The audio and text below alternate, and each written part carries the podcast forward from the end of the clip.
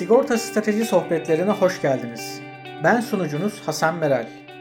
Bu haftaki konuğumuz Signa Global Modelleme ve IFRS 17 aktüeri Alper Çetin. Kendisiyle Hong Kong'da bir Türk sigortacı olmayı konuşacağız. Bu bir podcast serisi ve her programda farklı bir ülkedeki Türk sigortacıdan kendi hikayesini dinleyeceğiz.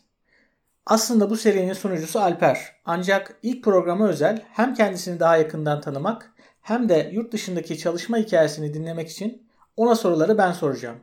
Önümüzdeki programlarda bu seriye Alper'in sunumuyla devam edeceğiz. Alper hoş geldin.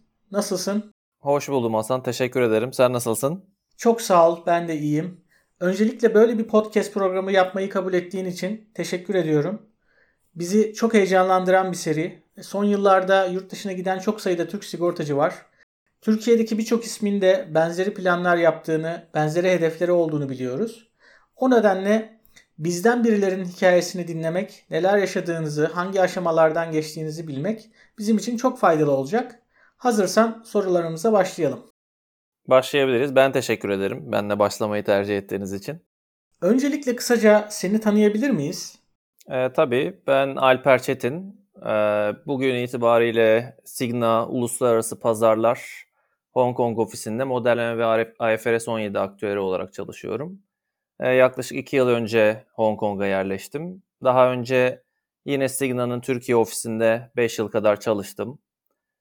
Bu 5 yılın 4 yılında aktüeryada yöneticilik, müdür yardımcılığı yaptım. Ee, değerleme ekibinde, modelleme ekibinde. Daha sonra bir yıl bir rotasyon süreci yaşadım ürün yönetimi yöneticisi olarak. Ee, ondan önce 4 yıl Ergo'da yine aktüerya modelleme alanında çalışma fırsatı buldum. Ergo'dan önce de bir iki yıl kadar CIV'de yine aktüeryada raporlama ve e, ay kapanış raporlamalarına destek verdim. Totalde bir 11-12 yıllık aktüere geçmişim var diyebilirim. Türkiye'de de çok iyi bir kariyerin var aslında. Yurt dışında yaşamaya nasıl karar verdin? Seni bu kararı almaya neler teşvik etti? Ee, yurt dışında çalışmak, yurt dışında okumak, bir hayat tecrübesi yaşamak benim küçüklüğümden beri hayalimdi. Ee, yaklaşık 3 yıl önce de Signa'nın ilk önce Yeni Zelanda ofisinden bir kısa dönemli çalışma fırsatı gelmişti. Bir exchange dönemi gibi.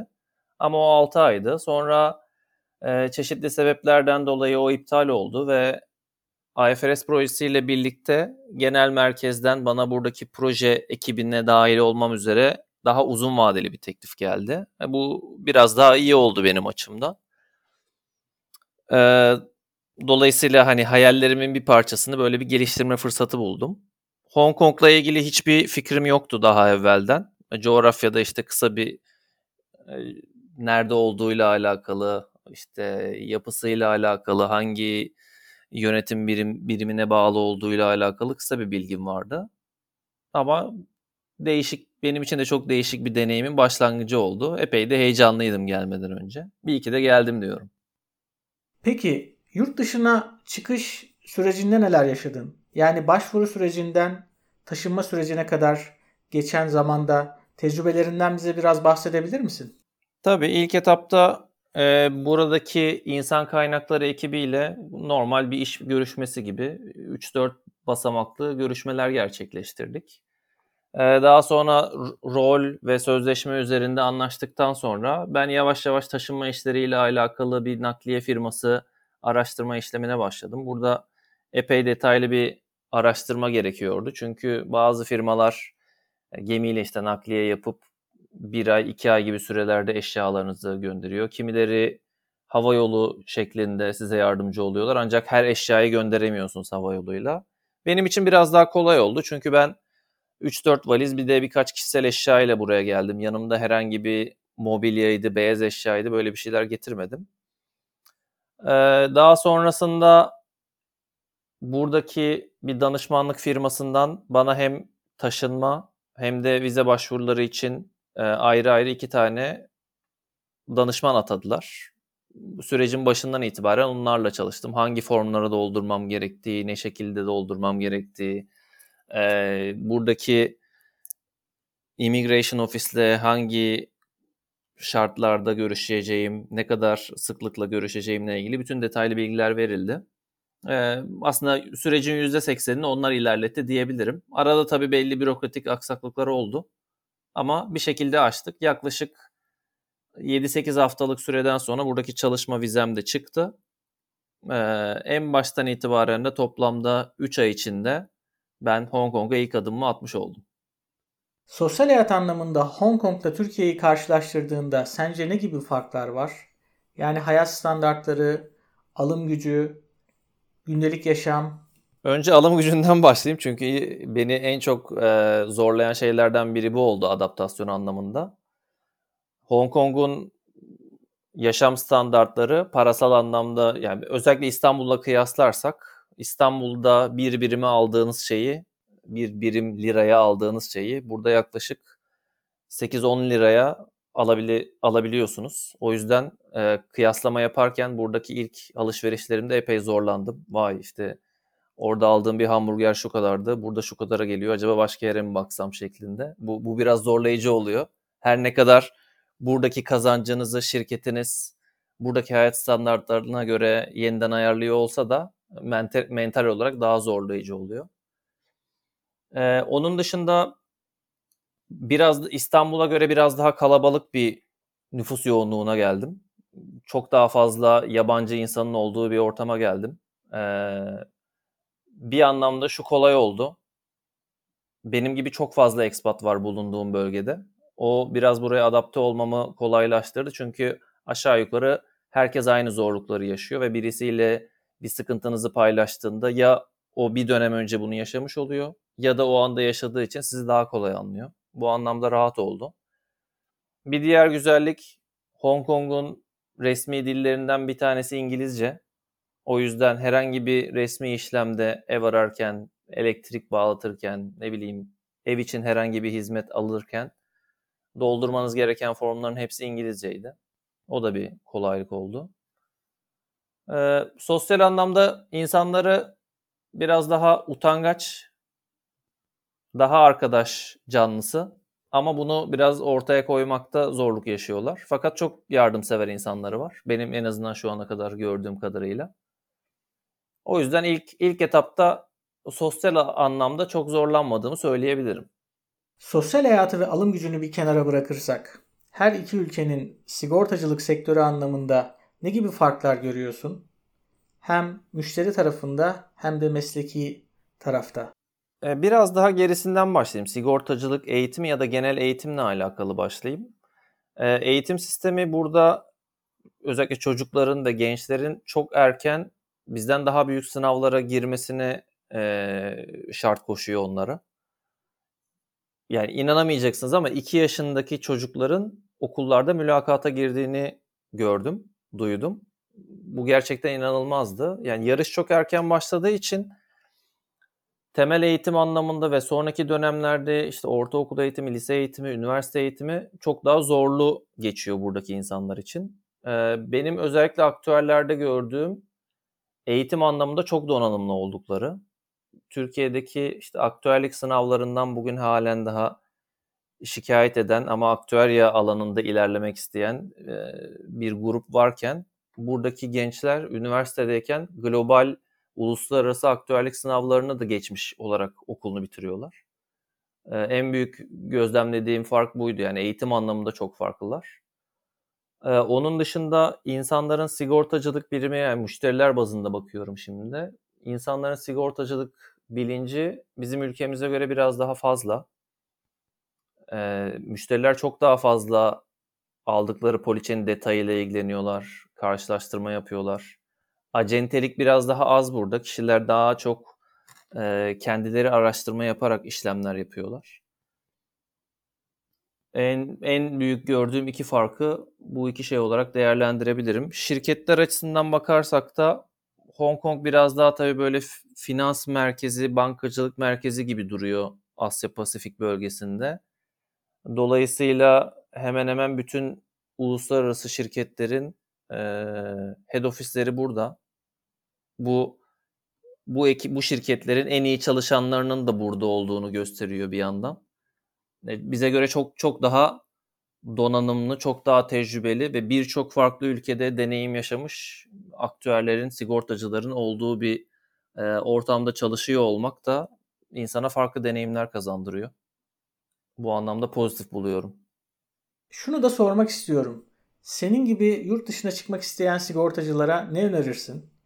Yani nereden başlamalılar? Hangi kalifikasyonlara sahip olmalılar? Kariyer fırsatları için nereleri takip etmeliler? E, bugün zaten sıklıkla gördüğümüz LinkedIn'in bu konuda çok aktif çalıştığı, yani bana da herhangi bir iş arama sürecinde olmamama rağmen yaklaşık her hafta bir ya da iki tane yeni mesaj, yeni bir iş teklifi, iş başvurusu gibi mailler, mesajlar geliyor. Özellikle LinkedIn üzerinden. E, buralara bakabilirler. Birçok headhunter çalışıyor. Gerek şirket anlamında gerek bireysel olarak. Biraz bunlarla diyaloğa geçip hani onlara kendilerini önce tanıtıp neler istediğini anlatıp daha sonra oradan gelecek teklifleri bekleyebilirler. Ama öncesinde ne yapmak istediklerini, gittikleri ülkede ne beklediklerini, iş anlamında ne gibi bir tecrübe aradıklarını iyi düşünmelerini tavsiye ederim yurt dışına çıkmak isteyenlere. Ee, özellikle mental anlamda iyi bir hazırlık gerekiyor. Gerçekten çok zorlayıcı. Yani gelmeden önce şu insana çok keyif veriyor. Aa yeni bir ülkeye gidiyorum. Her şey çok güzel olacak. Yeni insanlarla tanışacağım. Artık yurt dışında çalışma apoletim olacak.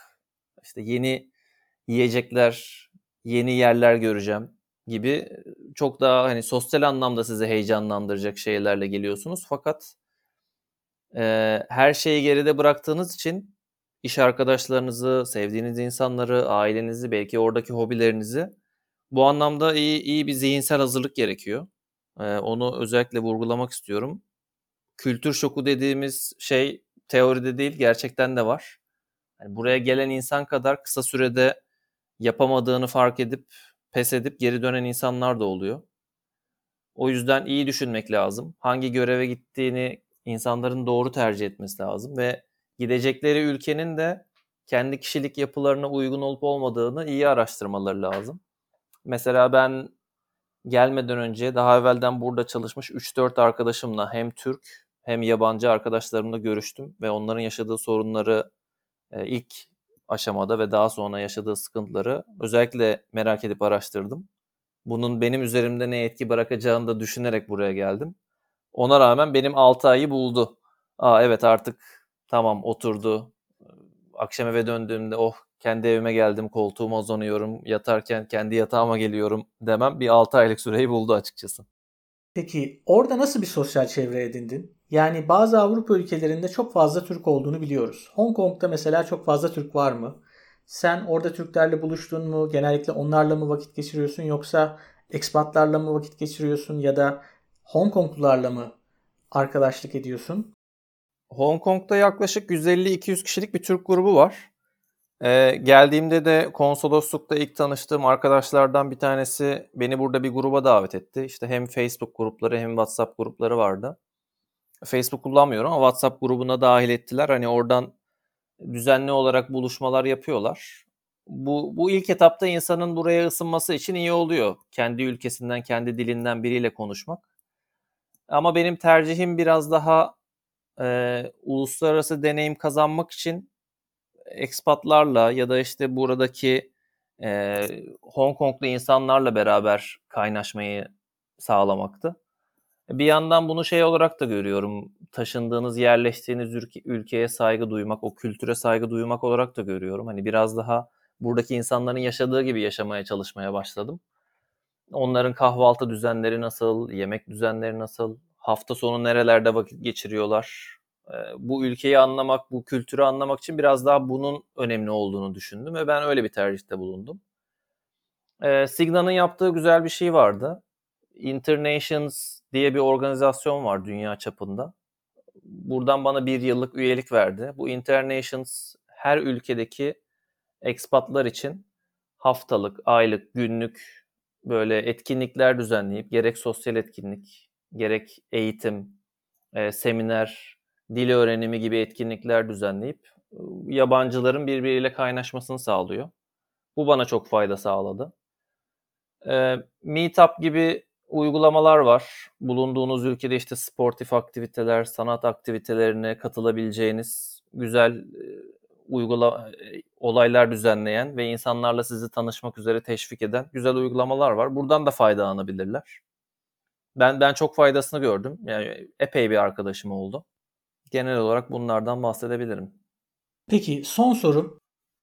Yaklaşık iki yıldır yurt dışındasın. İki yıl öncesine göre kendini nasıl hissediyorsun? Yine olsa yine yurt dışına gitmek ister miydin Hong Kong'a? Ve şu anda bizi dinleyen sigortacılara benzeri bir deneyimi öneriyor musun? Kesinlikle gelirdim. Ee, insana çok farklı bir bakış açısı kazandırıyor. Farklı bir kültürde çalışmak. Ee, özellikle bir head office'e gidiyorsanız, head office'e bağlı, bizim ofisten bahsedeyim. 10-12 tane farklı ülke buraya raporlama yapıyor. Bu 10-12 farklı ülke çalışma dinamiğiyle çalışmaya adapte olmak anlamına geliyor. Bir yandan gerçekten zor. Hem çalışma alışkanlıkları farklı, hem çalışma dinamikleri farklı.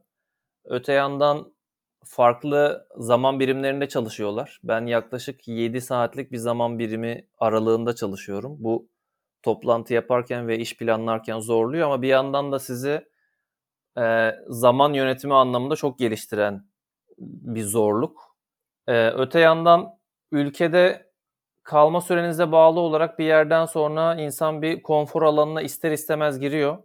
Oradan çıkmak için gerçekten benim için çok isabetli olmuştu. Hani çok uzun bir iş tecrübem yok. 11-12 yıl sigorta sektöründe çalışan birçok deneyimli profesyonel için kısa bir süre sayılabilir. Ama ben doğru zamanda bu alan için buraya geldiğimi düşünüyorum. Ee, özellikle modelleme her geçen gün değişen bir departman. 5 yıl önce belki aktüerya alanında çalışan insanların kullandığı tool'ların birçoğu bugün bambaşka bir seviyeye geldi ve artık başka detaylardan, datanın nasıl kullanılacağından, nasıl edinileceğinden, nerede saklanacağından bahsetmeye başladık. 5 yıl önceki modelleme çalışanları kendi kullandığı tool'lardan sorumluyken bugün ona bağlı olan birçok değişkeni de artık hükmetmek, yönetmekle mükellefler. Kısaca hani bu, bu detaylardan da bahsetmek iyi olur diye düşündüm.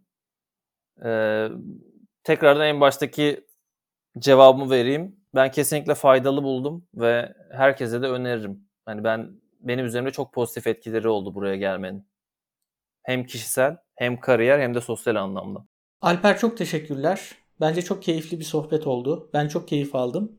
Umarım bizi dinleyenler de aynı keyfi alırlar. Senin programından da biraz rol çalmış oldum. Önümüzdeki programlarda kendi konularınla ve kendi konuklarınla bu seriyi devam ettireceksin. Ben teşekkür ediyorum. Zaten uzun zamandır herkesin kafasında olan bazı sorulara bir giriş yapmış olduk. Bundan sonraki bölümlerde de e, bize gelecek sorular üzerinden yine değerlendirme yapmayı çalışırız. Tekrar teşekkürler Alper. Bu haftaki programımızın da sonuna geldik. Önümüzdeki programda yeni bir konu ve yeni bir konukla tekrar buluşuncaya dek kendinize çok iyi bakın.